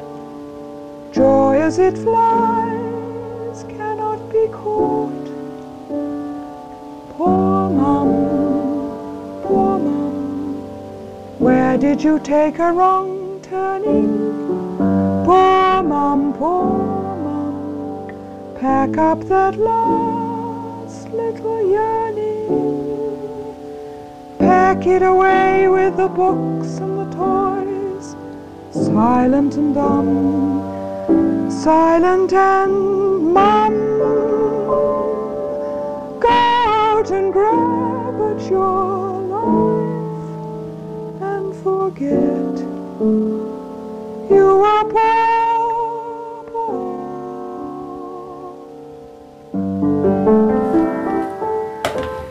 Een prachtig kleinoot is dit van Molly Drake, de moeder van Nick Drake, met Poor Mom, een soort antwoord op Poor Boy. Serge Simonaar, dankjewel, want jij wou het eh, laten horen. Wat doet dit nummer met jou? Dat is een lang en tamelijk emotioneel verhaal dat ik zal proberen kort te vertellen. Ik ben om te beginnen een heel grote fan van Nick Drake, die hele, hele mooie muziek heeft gemaakt en die heel jong is gestorven, helaas. Ehm, men zegt zelfmoord, maar ik denk persoonlijk een overdosis slaappillen en dat het per ongeluk was, maar je was er niet bij, dus je kan het niet bewijzen. En ehm, Nick Drake, die ik dus nooit heb ontmoet, beste mensen. Dus het gaat er zeker niet om om te pochen dat ik hem goed ken, want hij is gestorven voor ik uh, journalist werd. Nick Drake maakte zo mooie muziek en is zo'n mooi mens. Dat, dat merk je aan die teksten, aan de, aan de teneur van zijn muziek, de gevoeligheid, de emotionaliteit, de sereniteit ook. Uh, ook een gekweld mens, uh, ook een beschaafde jongen, die, een kind van koloniale ouders die naar Indië werden gestuurd. By the way, ken je de, de oorsprong van het woord posh? Nee. Het Engelse woord posh, hè, zo van posh, Beckham en zo. Posh is de afkorting van port out, starboard home. Port out, starboard home. Dus uh, boord en stuurboord, bakboord en stuurboord. In de heenreis waren de dure hutten op de schepen toen nog, want er waren nog geen, geen vliegtuigen naar Indië vanuit Engeland. Dus op de heenreis, de hele lange heenreis, stond de zon aan de rechterkant van het schip waar de goedkope hutten waren. Dus die mensen smolten. En aan de, op de terugreis waren de dure, hutten, dure hutten aan de andere kant, zodat die alweer koelte hadden en de goedkope hutten alweer aan de zonnekant waren. En die mensen smolten nog eens. Vandaar de beste klasse van cabines, de duurste voor de chique mensen, de rijke mensen en het koloniale personeel, waren aan de kant port out, aan die kant out op de heenweg mhm. en starboard home. Mhm. P-O-S-H Posh. Dus Nick Drake was de, de zoon van uh, Molly Drake. En Molly, dat je een kind kan verliezen. Hij was toen, ik denk, 27 of 26 toen hij is gestorven. En dat je dan met zoveel humor een antwoord kan schrijven op het liedje Poor Boy van je zoon. Zo'n beetje meanderend, uh, monkelend, tong-in-cheek. Daar moet je zo'n sterke vrouw voor zijn. En zo'n liefhebbende vrouw. En zo'n talent. Want haar, ze, heeft uh, haar zus, die ik een beetje ken, Gabrielle Drake, de, de, de zus van uh, Nick en de dochter van Molly, die een bekende actrice was in Engeland trouwens. Um, en, en die ik ook een paar keer heb ontmoet. Ik zal nu eens iets zeggen om te pochen. En waar ik heel blij mee ben. Veel blijer dan mij om teven wat van aandacht of beroemde sterren of zo kan me niet schelen. Twee dingen ben ik blij mee. Ik heb heel, heel lang en met heel veel liefde en toewijding en duizenden uren gestopt in mijn fotoboek van Venetia bij de gelijknamige serie van Clara. En daar is nu een Engelstalige versie van, die internationaal beschikbaar is, want de, de Vlaamse is uitverkocht. En dat boek Venetia heb ik aan een hoop mensen gestuurd, ook, ook een aantal popsterren, die ik niet zal vernoemen en die mij dankbriefjes hebben gestuurd en zo, handgeschreven, waar ik heel blij mee ben, maar ik ga hun namen niet noemen, maar ik ga er twee wel noemen. Um, Jan Morris is dood. Jan Morris is onlangs gestorven. Dat was vroeger de reisjournalist James Morris, de eerste die verslag deed van de beklimming van de Mount Everest en ook de eerste die trans, transgender was en die zich liet ombouwen in Casablanca van James Morris naar Jan Morris, want ze was van Wales. Jan is het, het Welsh voor Jane. Dus van James Morris werd hij Jan Morris. En ik weet nog dat vrienden van mij, Els en Sherry van Elisa Wout, die hebben mij 40 jaar geleden het boek over Venetië van James Morris, Jan Morris, cadeau gedaan, wat toen het toonaangevende boek was over Venetië. En ik heb sindsdien alle reisboeken van Jan Morris gelezen, die dus is oud geworden, 92 jaar als oud Engels excentriek dametje, maar ze was dus eigenlijk een man geweest. Um, en ik heb haar mijn boek Venetia gestuurd en ik heb dan een, een, een gekrabbeld, handgeschreven briefje teruggekregen. Ik had gezegd van The world doesn't need another book on Venice.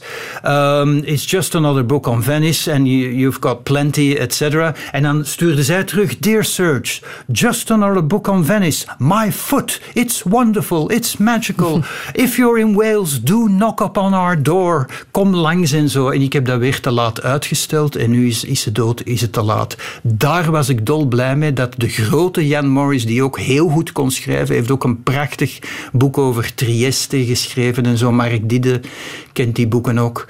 Uh, dat die mijn boek mooi vond. Dat vond ik fantastisch. En het tweede was dat Gabrielle Drake, de zus van Nick, mijn boek mooi vond. En toen ik mijn website maakte, sergesimonard.be voor de liefhebbers. Um, toen ik mijn website maakte, wou ik daar een instrumentaal stukje muziek van Nick Drake opzetten. En ik dacht, ja, ik ga dat nooit kunnen betalen. Dat kost zoveel aan rechten en zo. En ik, heb, ik had haar toen al een paar keer ontmoet en, en ik kon goed met haar overweg. En zo'n hele mooie, intelligente vrouw. Ook zo'n echt een old school, oude actrice, uh, Engels, die echt nog het, de Queen's English spreekt. Dat is een genot om naar te luisteren. Die spreekt zo mooi Engels. Ze heeft, zelfs, ze heeft trouwens zelf ze is nu denk ik 75. Nick Drake zou ook 75 zijn geweest, of toch ongeveer. Um, Ze heeft zelfs uh, op haar zeventigste nog een versie van de Kama Sutra ingesproken in het Engels. En zo dat soort vrouw, maar echt een stijlvolle, beschaafde, lieve, wonderlijke vrouw. Um, en ik heb haar gevraagd, ja, ik heb niet veel geld, maar mag ik een stukje muziek van Nick gebruiken? Ik kan maar een paar duizend euro geven en zo. En ik mag dat gratis gebruiken voor mijn website, als, als enige wereldwijd.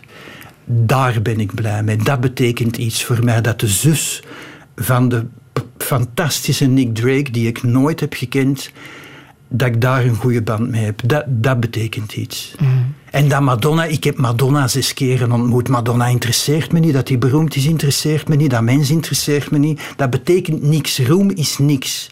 Maar zulke kleine menselijke dingen, dat, die hanenpoten van de 92-jarige Jan Morris, die nog de moeite doet om een volledige pagina naar mij te schrijven, um, dat vind ik prachtig. Dat is, dat is een reliquie.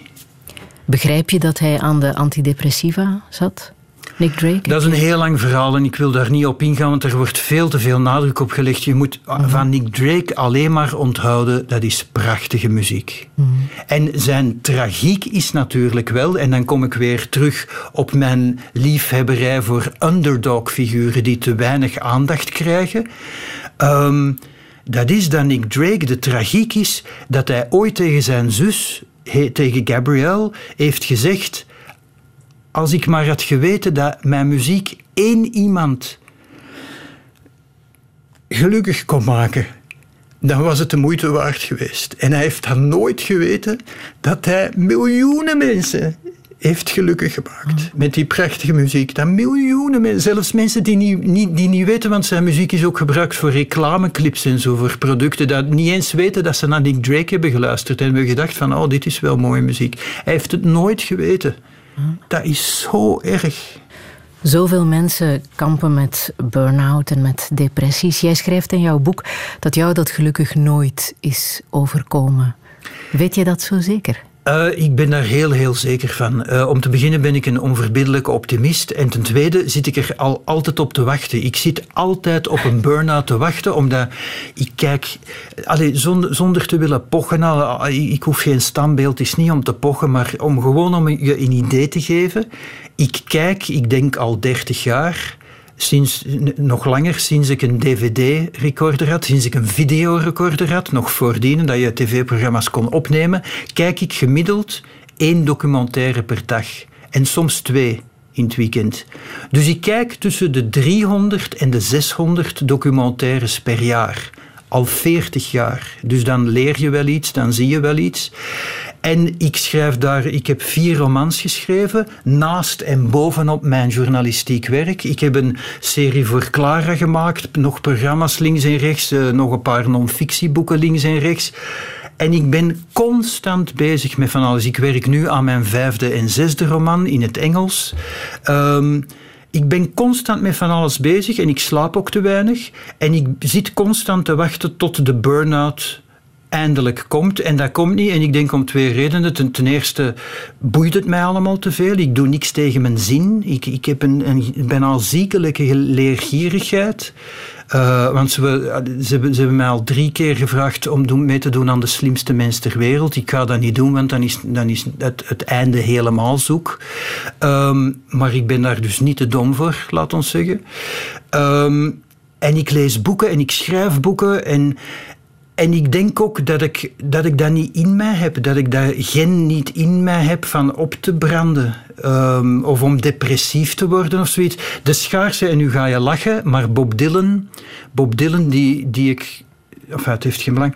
De, Bob Dylan heeft ooit gezegd... Um, geluk is een dikke vrouw en een goede spijsvertering. En wat bedoelde hij daarmee? Een dikke vrouw, dat wil zeggen een vrouw die dus niet moet zeuren haar leven lang van diëten en ik kan niet meer in die rok en die broek past niet meer en ik ben verdikt. Die is gewoon dik, die vrouw, die is gezellig en je weet dat die zo zal blijven en daar moet je geen tijd niet meer aan verspillen aan al dat gedoe. En dan een, een goede spijsvertering is heel belangrijk. En ik kan jou zeggen, de zeer schaarse momenten, en ik, ik wil niet vulgair doen, ik aarzel om het te zeggen, maar het is echt waar.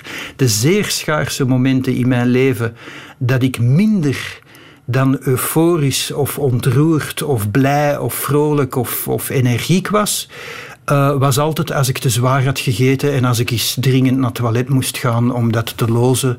En dan ben ik weer vrij. Dat is echt de goede spijsvertering. Het kan banaal klinken, maar Bob Dylan heeft, zoals altijd trouwens, gelijk. Ben jij blij met wie jij bent? Dat is ook weer zo'n onnozele vraag, Frieda. want wat is het alternatief? Dat is zo zeggen van, ben je, vind je het erg dat je oud wordt? Nee, want het alternatief is nog veel erger. Uh, ben ik blij met wie dat ik ben? Um, ik ben enorm blij met wie dat ik ben. Maar als je mij anderzijds vraagt, zijn er dingen aan jou die verbeterd kunnen worden? Dan zou ik zeggen bijna allemaal. En als je mij vraagt, had je ook iemand anders willen zijn? Dan heb ik een lijstje klaar van 700 mensen die ik ook had willen zijn. Dus dat is zo relatief. De, de, ik, ik, ik zal het zo antwoorden. Uh, en ik denk daarom ook dat mijn boek nuttig is omdat dit boek, heel veel boeken, en dat, dat is heel belangrijk om te zeggen eigenlijk, het leven en hoe het te leiden, die titel suggereert dat het een zelfhulpboek is. Dat het een boek is om mensen te helpen echt en zo. En de fout vind ik van heel veel andere van dat soort boeken, dat die eigenlijk een soort zelfhulp zijn voor de schrijver en dat de schrijver, de auteur, zijn eigen trauma's erin verwerkt. En als dat dan iemand is die misbruikt is als kind, dan gaat dat boek voor 90% over misbruikt worden als kind. En als dat iemand is die terminaal onzeker is, dan gaat dat boek voor 90% over onzeker zijn enzovoort. Terwijl het goede is aan mijn boek, denk ik, dat ik massa's problemen in het leven aankaart zonder dat ik zelf ooit last heb gehad van iets. Ik ben geen, geen autist, ik ben ooit depressief geweest, ik ben niet misbruikt als kind. Um, al heb ik van mijn vader nooit een stereo-installatie gekregen, dat zal ik nooit vergeten, papa. En ook geen brommer trouwens. En ook geen... In ieder geval, ik heb geen trauma's. En ik denk dat mijn boek daarom veel nuttiger en vrijer en onafhankelijker is dan echte zelfhulpboeken van auteurs met trauma's. Thank you.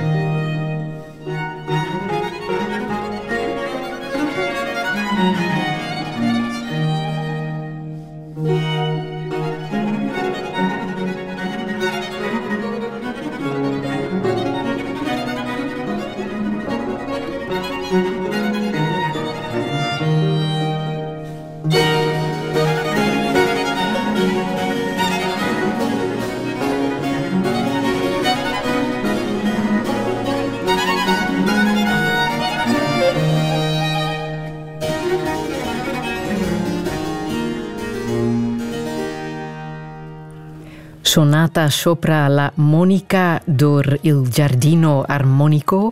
Het uh, staat op die cd-box die hoort bij Venetia, dat driedelige project met boek, uh, reeks bij Clara en uh, die cd-box. Serge Simonaar, ja, die magie voor Venetië, je zei het al, hè, het is... Dat is onwaarschijnlijk, daar zijn eigenlijk geen woorden voor. Vandaar allicht de vele beelden die je toont in, in dat boek. Maar wat is het voor jou? Wat, er, wat gebeurt er bij jou als jij nog eens in Venetië bent? Um, ik had een reis gepland naar Venetië, de zoveelste toen corona begon. Dus dat is niet kunnen doorgaan. Uh, nou, we er nog één gepland, die is ook niet kunnen doorgaan. Uh, mijn volgende roman speelt zich af in Venetië. Dus ik zou eigenlijk absoluut moeten gaan, omdat gewoon als je ergens bent.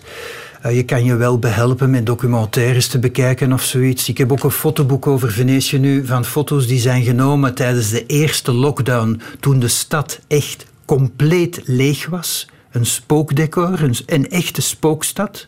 Heel raar om te zien, heel onheimlich. Um, en ik denk dat het belangrijke is aan Venetië dat het de enige stad is die op een rare, amateuristische, archaïsche, anachronistische manier heeft kunnen weerstaan aan de zogenaamde vooruitgang. Alles wat fout is aan de vooruitgang heeft in Venetië nooit voet aan de grond gekregen. Dat is eigenlijk het belangrijkste voor mij aan Venetië. De sfeer daarvan. En dan zeg ik even tegen de mensen: als je wil gaan, ga in godsnaam niet in juli of augustus, want dan snap je niet wat ik bedoel. Je moet Venetië zien off-season, in de herfst of in de winter of in de vroege lente. En dan moet je vroeg om zes uur s ochtends of om één uur s'nachts door de stad gaan dwalen in de mist en zo, dan, dan begrijp je wat ik bedoel. Dan, dan snap je die stad. Niet in juli op een straalheldere dag mhm. met, met 4 miljard Japanse toeristen. Um, maar dus het belangrijke aan Venetië is dat dat. Kijk, als alle steden vrouwen waren, dan zijn alle andere steden verkracht en Venetië is aan die verkrachting ontsnapt. Venetië is aan de verkrachting van de vooruitgang ontsnapt. Ik geef een paar voorbeelden. Je kan je toch niet voorstellen, mensen die ooit in Venetië zijn geweest of zelfs maar foto's hebben gezien van het kanaal Grande en zo en al die palazzi aan, aan weerszijden van het kanaal. Um, er was een plan, I kid you not, ik verzin het niet, een plan van Mussolini om het kanaal Grande droog te leggen en te asfalteren. Ze wilden daar een snelweg van maken. Kan je dat voorstellen? Er was ook een plan van, van die verschrikkelijke architecten à la Le Corbusier om een aantal betonnen gedrochten in de jaren 50, 60 in Venetië te zetten, tussen de palazzi. Uh, ik ben daar een purist in. Ik vind als je één plek hebt waar alle smeerlapperij van betonnen gedrochten, aluminium, stalen gedrochten, neonreclames, um, uh, bankgebouwen waar je hoofdpijn van krijgt, uh, alle gedrochten die zoals in Brussel, zijn, ah, is, is, ik overdrijf niet, 70% van de Art Nouveau en de Art Deco en de, de Belle Époque en, en de klassicistische gebouwen in Brussel zijn tegen de grond gegooid door politicus Paul van den Boeinans en zijn immobiliënvriendjes en die generatie. Het is werkelijk, het is om te janken, om te janken. En het is zo belangrijk. Patrimonium, wat wil dat zeggen? Patrimonium, heritage in Engeland. Uh, ik heb mijn zoontje toen hij werd gebo geboren principieel lid gemaakt van de Engelse National Trust, mm -hmm. die al sinds 1910 de Engelse mooie gebouwen uh, be verdedigen, beschermen. Ter vergelijking, hier zijn we daar nu pas mee begonnen onlangs. Hallo, 100 jaar achterstand op Engeland. Terwijl Engeland al het grote voordeel had dat het amper is gebombardeerd in vergelijking met België. Dus dat heel veel van hun oude gebouwen daar nog stonden. Want in België is de helft platgelegd door WO2, WO1 enzovoort. Um, dus het patrimonium, je moet dat goed beseffen. Iedereen die nu luistert en zeggen tegen uw kinderen, prent het hen in. Er is een onzichtbare oorlog aan de gang van de immobiliegilde, de projectontwikkelaars die gewoon voor de poen denken, laat ons dat mooie Art Nouveau gebouw tegen de grond gooien, want dan kunnen wij langs de kassa passeren door daar een nieuw betonnen gedrocht in de plaats te zetten. Dat is samengevat de projectontwikkelaars in samenspraak met de politici en de immobiliëgilde.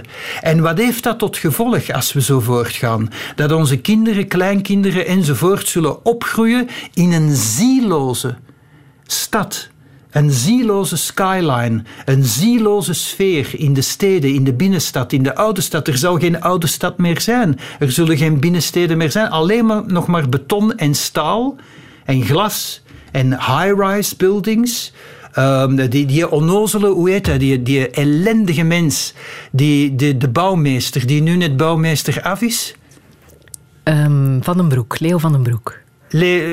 Als hem dat is, verschrikkelijke figuur die zegt van ja, we moeten meer in de steden gaan wonen en we moeten meer hoge gebouwen hebben en zo. En je mag het platteland niet verkavelen en zo, zo, zo voort. Mooi is niet. Want meer hoge gebouwen in de stad en zo, dat zal dan ten koste gaan van mooie oude gebouwen. Want die zijn allemaal kleiner en lager. Dus die zullen allemaal afgebroken moeten, moeten worden. Patrimonium wil zeggen, als je dat niet beschermt, schermt, dan groeien onze kinderen op en kleinkinderen in steden zoals ze die nu in China bouwen. Ik weet niet of dat je daar ooit beelden van hebt gezien. Dat zijn nieuwe steden van scratch, van nul begonnen onlangs. Nieuwe steden waar niets staat dat voor 2020 is gebouwd. Waar dus geen Art Nouveau, geen Art Deco, geen Belle Époque, geen klassicisme, noem het maar allemaal op. Dat is verschrikkelijk. Dat is echt deprimerend.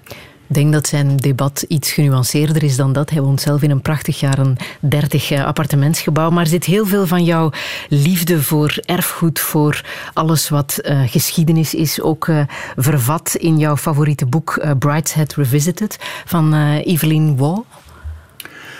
Alles waar ik van hou zit in dat boek vervat. Ten eerste, is heel boeiend, even kort, de literaire geschiedenis. Evelyn Waugh werd na zijn dood en tijdens de laatste jaren van zijn leven verketterd door de Engelse literatuurkritiek. Waarom? Omdat Evelyn Waugh uit een goede familie kwam en heel veel vrienden had die van adel waren.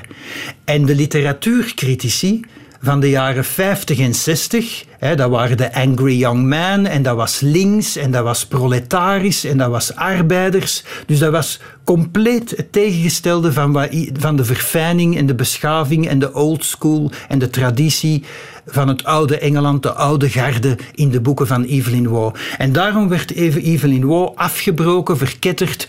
Ik ben ook een fan van Kingsley Amis, de vader van schrijver Martin Amis. Maar Kingsley Amis was al bij de Angry Young Man, de volgende generatie, en die, die brak dan de boeken van Evelyn Waugh af, terwijl hij er stiekem jaloers op was. En terwijl de boeken van Evelyn Waugh gewoon stilistisch zo goed geschreven zijn, dat Engels, dat zijn juweeltjes van zinnen.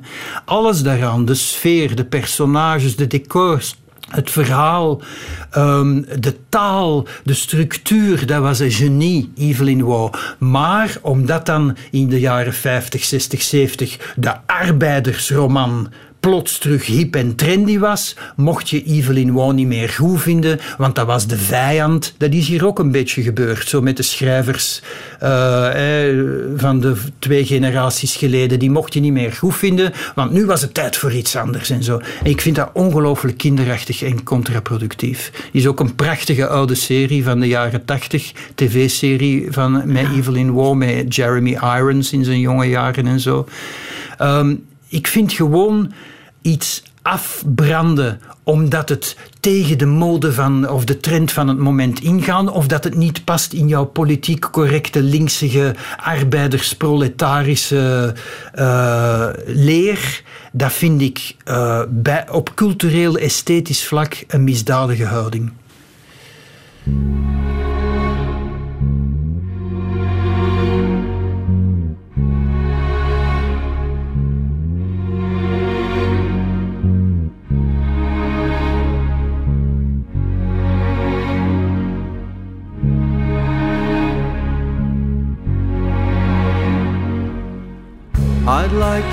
A complaint with the relevant authority. With each other's where we ought to be, Kathy. I'm gonna write to the Times, sign it desperate of Dolphin's Barn. Each other's arms, Kathy? Kathy, it's at times like these I wish I wrote like you. You seem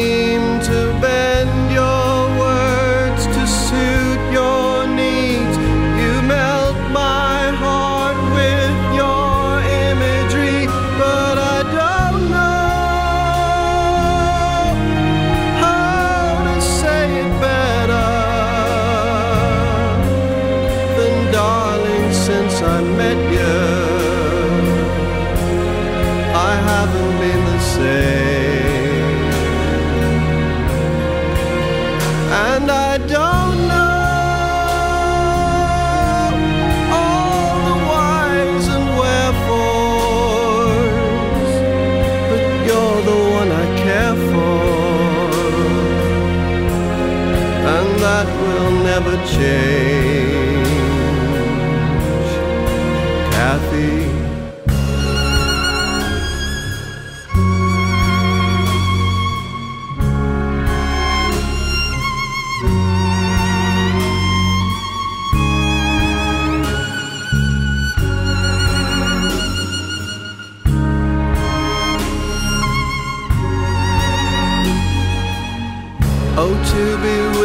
Tonight.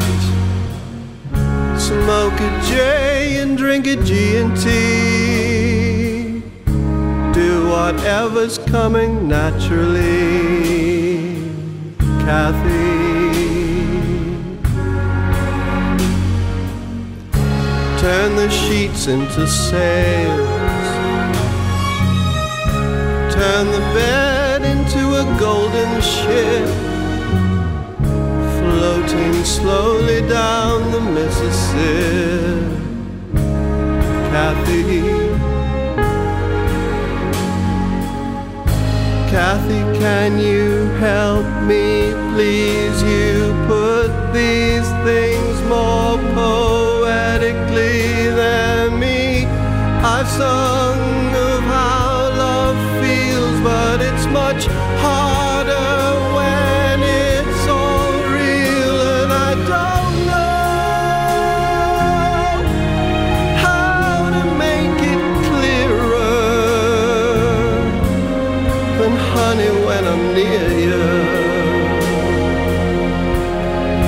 like I'm in a dream, and I don't know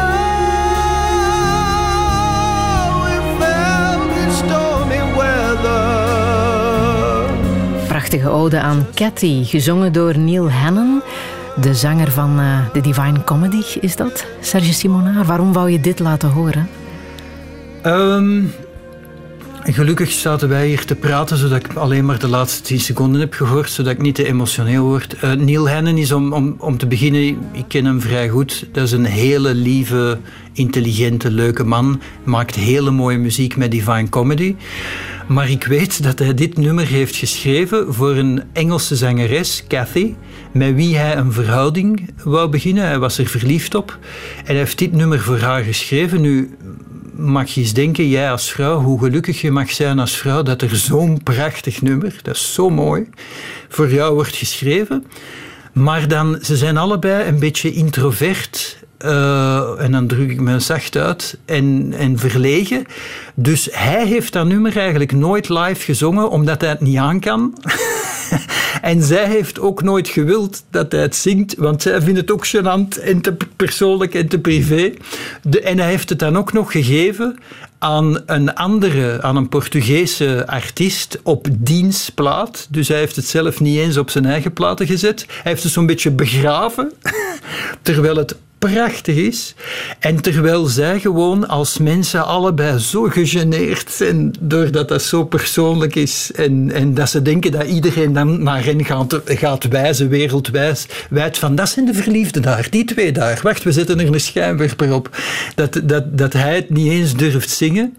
En dat zij ook niet wil dat het open, openbaar uh, wordt. Dus ik vind dat heel schattig en aandoenlijk. De liefde, wat is dat volgens jou? Um, ja, we zitten met een paar problemen. Um, ik ben ook een, een ziekelijke romanticus eigenlijk. Uh, ik, eh, alles in mijn leven is romantisch. En uh, ik ben ook een estheet. En dat klinkt, dan zullen er weer mensen zijn dat dat pompeus vinden. Maar een estheet, ik, ik, ik vind het enorm belangrijk dat dingen mooi zijn en smaakvol. Ik kan er bijvoorbeeld niet tegen. toen ik vroeger is. Um, vroeg ochtends, uh, toen ik naar de universiteit ging, met de trein aankwam in Brussel Centraal en daar al die neonreclame uh, en gewoon neonlampen, ik kan daar niet tegen. Ik, ik woon in een huis met kaarslicht. Alles in mijn leven is kaarslicht. Alles in mijn leven is de 19e eeuw. Romantiek, esthetiek. Alles moet mooi zijn, verfijnd, subtiel. Lelijkheid. Dat, dat is zo, zoals horrorfilms. Ik had er onlangs nog een discussie met, met iemand over. Um, waarom zou ik kijken naar horrorfilms die gaan over slechte mensen, die slechte mensen doen en die slechte mensen zijn mensen die ik niet als buurman zou willen of als vriend. Waarom zou ik dan twee uur van mijn leven besteden om naar zo'n mens te, te, kijken? Ik snap de logica daarvan niet. Waarom zou ik kijken naar gangsters die elkaar uh, afknallen tot en met en bloed spat overal? Uh, als ik die mensen niet te vriend wil of niet mijn huis zou toelaten. Ik, ik begrijp dat die dingen moeten kloppen in mijn leven. En bij de, de liefde, liefde want daar vroeg je ja. naar, de liefde. Pas op of ik wijd nog meer uit. Hè. uh, naar de het probleem bij de liefde is dat je dat moeilijk kan loszien van de lust en van de vrijheid uh, en van de onafhankelijkheid. Uh, ik zou bijvoorbeeld ook eerlijk toegeven dat ik laat aan kinderen ben begonnen, gewoon omdat ik die verantwoordelijkheid niet wou. Ik had een fantastisch leven, een vriendinnetje hier, een vriendinnetje daar, op reis naar daar. En ik, ik, wou niet, ik wou ook geen huisdier, omdat ik dacht, wie, wie moet dat? Ik hou enorm veel van, van dieren, van honden, katten, noem maar op. Uh, slangen, desnoods, spinnen, allemaal prachtig. Een spin in ons huis wordt niet doodgemaakt, die wordt netjes ergens anders gezet. Um, ik eet ook geen vlees meer. Meat is murder. Morrissey heeft gelijk. Hoe, hoe kan je een lieve koe... Kijk eens goed naar een koe in de ogen en eet dan nog eens vlees. En durf niet te denken dat je een lijk eet van dat dier dat je lief in de ogen keek. Ik snap het niet. Ik kan het niet. Ik kan het niet en ik wil het niet. En liefde was bij mij altijd, ik ben heel gulzig. Dat is eigenlijk mijn grootste, uh, slechtste kans. Mijn, mijn, van zeven hoofdzonden pleit ik 100% schuldig voor gulzigheid. Dus ik wou ook heel veel vrouwen en heel veel seks en heel veel vrijheid en heel veel meemaken. En dan, ofwel moet je dan mensen bedriegen, ofwel moet je vooral niet trouwen, waar ik heel lang mee heb gewacht. Um, en dus en een vriend van mij, die ik niet zal noemen, want het is een BV en hij zou niet willen dat ik hem noem, maar die, zei, die, die bedriegt zijn vrouw heel vaak. Die heeft heel vaak, je mag raden wie het is, een BV die zijn vrouw heel vaak heeft begroten, bedrogen en die werd daarover aangesproken door een andere vriend die wel trouw is aan zijn vrouw. En dan zei die ene BV tegen mij: Ja, hij heeft makkelijk praten. Hij, heeft, hij is lelijk, hij is niet zo bekend als ik en hij krijgt geen kansen. Dan is het makkelijk om trouw te zijn. En helaas valt daar wel iets voor te zeggen. Ik zal, ik zal het anders proberen. Zit er veel um, wat jij liefde uh, bedoelt in, in het gedicht van uh, de Britse dichter uh, Winston Hugh Auden? Een gedicht dat ik kan laten horen, want hij heeft het zelf ingelezen. The More Loving One. Looking up at the stars, I know quite well that for all they care, I can go to hell. But on earth, indifference is the least we have to dread from man or beast. How should we like it were stars to burn with a passion for us we could not return? If equal affection cannot be, let the more loving one be me. Admirer as I think I am of stars that do not give a damn, I cannot, now I see them, say I missed one terribly all day.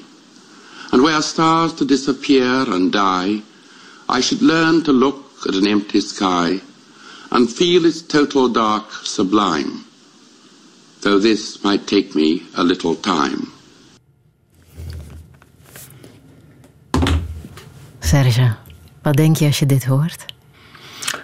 Um, dat ik mijn uiterste best doe om niet te janken. um, W.H. Auden, Winston U. Auden, was een Engelse homoseksueel. Uh, ik ben strikt heteroseksueel. Um, en dit gedicht gaat over de liefde en meer bepaald over afgewezen worden.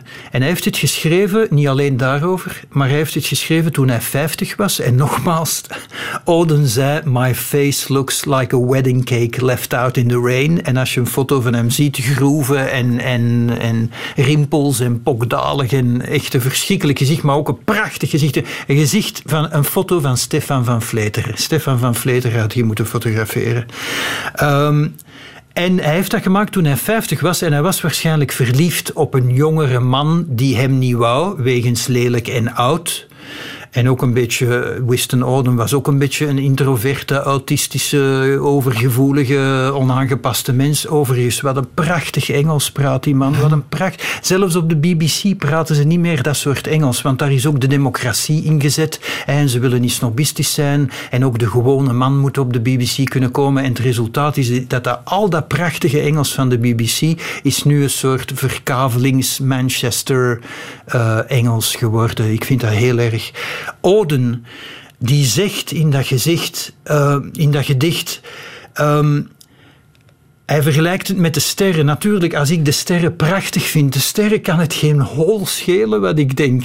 Want ik ben nietig, ik ben een mens. Die, sterren zijn er al miljoenen jaren. Ik ben op een vingerknip weg. En wat kan het hen schelen? Um, en jou kan het blijkbaar ook niet schelen dat ik dolverliefd ben op jou, maar het is niet erg.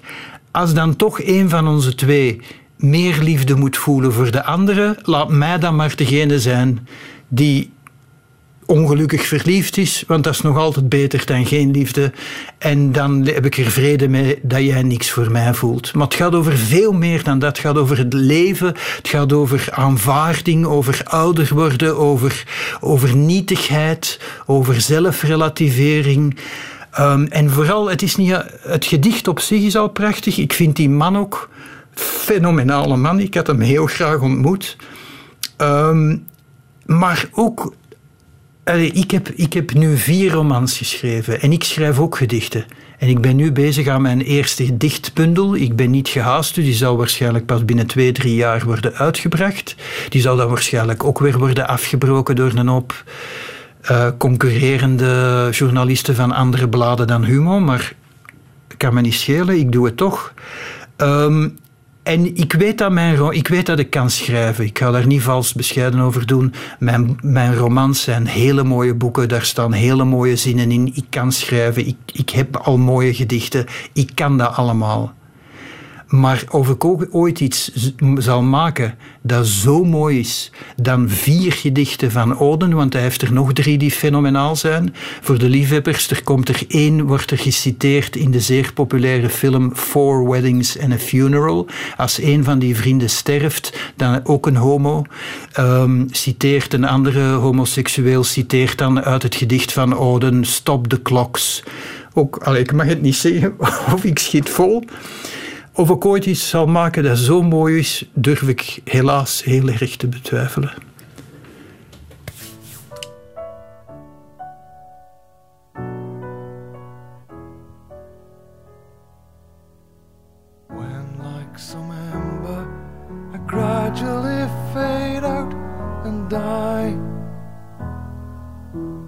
Gonna stand there and cry Which one of my friends will know where the book ends? Will know how to tell me goodbye? Like some daydream, I drift through interminable sky. Would it have been worth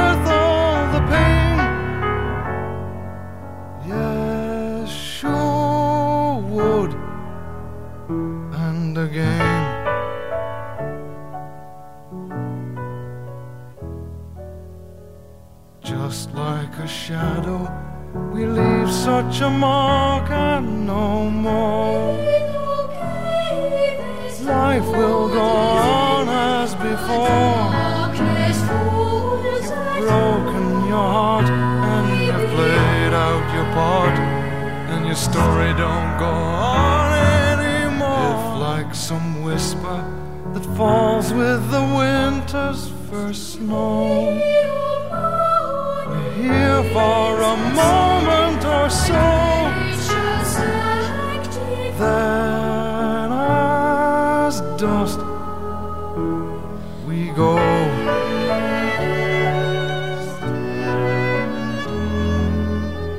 If we are numbered like some treeless leaf on the breeze,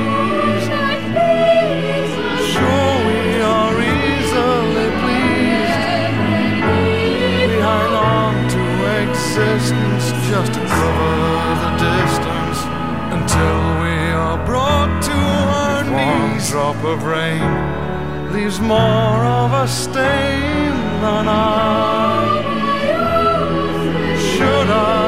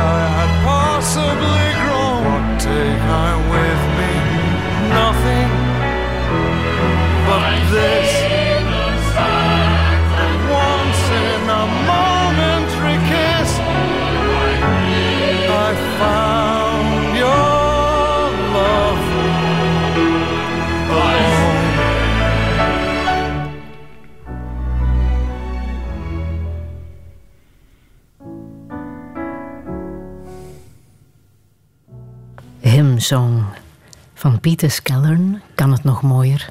Serge Simonaar. Ja, bedankt om het eh, weg te draaien als ik aan het janken ben. Ehm, Het is afgelopen. Emo Friedel. Ehm, heel dit programma is voor mij alleen al de moeite waard dat ik dit heb kunnen laten horen. Want dit prachtige nummer, beste mensen, is nergens verkrijgbaar. Kan je dat geloven? Niet op CD, niet te downloaden, niet op LP, alleen op een of andere bootleg waar dat ik maanden heb op moeten jagen. Die mens, de me- mensen zullen Peter Skellern alleen maar kennen van die ene hit. You're a lady, I'm a man. Die ene hit die hij in de jaren zeventig heeft gehad. Di- Dit is nog tien keer zo prachtig. Ehm, dat gaat over vergankelijkheid, over sterven. ehm, over Your Story Don't Go On Anymore. Ehm, ik ben kerngezond eh, voor mensen die zich zorgen maken, maar ik heb al heel lang beslist dat dit mag gespeeld worden op mijn begrafenis. En het tragische is, ik heb die man ook nooit ontmoet. Ik ben heel lang van plan geweest om die te ontmoeten, om zelfs te forceren, om die te stalken om die te stoken, om die te ontmoeten. Maar ik had geen, geen excuus, want hij trad niet meer op. Hij was ook iemand die een gigantisch talent had, maar geen ambitie en ook geen eh, bekende figuur wou zijn. Dus hij, de- hij deed alleen maar kleine concertjes in kleine zaaltjes in Engeland met een vriend, zo amateuristisch, mee opzet. Terwijl hij gigantische zalen had kunnen vullen. Eh, en hij maakte ook geen platen meer. En hij heeft zich op zijn sterfbed, eh, vlak voor zijn dood, hij heeft kanker gekregen, heeft hij zich nog bekeerd en is hij priester geworden zelf. Eh, Serge. ja. Jij bent 60, hè?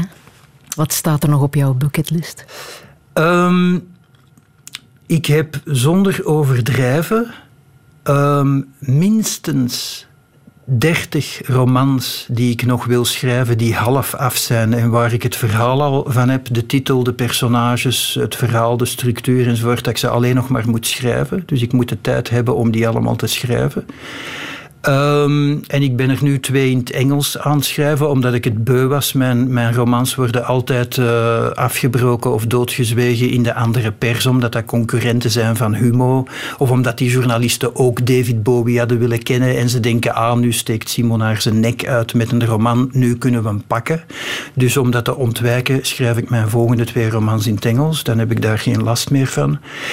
En voor de rest wil ik nog zoveel mogelijk mooie dingen doen, er, zoals het fotoboek Venetia gaan we nu een boek maken over Brugge. En voor de rest wil ik zo, er zo lang mogelijk zijn voor mijn zoontje. Mm. Nog een laatste boodschap die je wilt meegeven, misschien samen met het nummer Black Lace Shoulder van uh, Metro. Ah, ik ben ook blij dat je dat laat horen. Van, want Duncan Brown is ook alleen maar be bekend van de hit um, The Wild Places. En hij heeft dit gemaakt begin jaren 70. Dat hoor je ook nergens, dat nummer. Maar de muzikaliteit ervan is prachtig. En ik wens jullie allemaal nog een prettige zondag.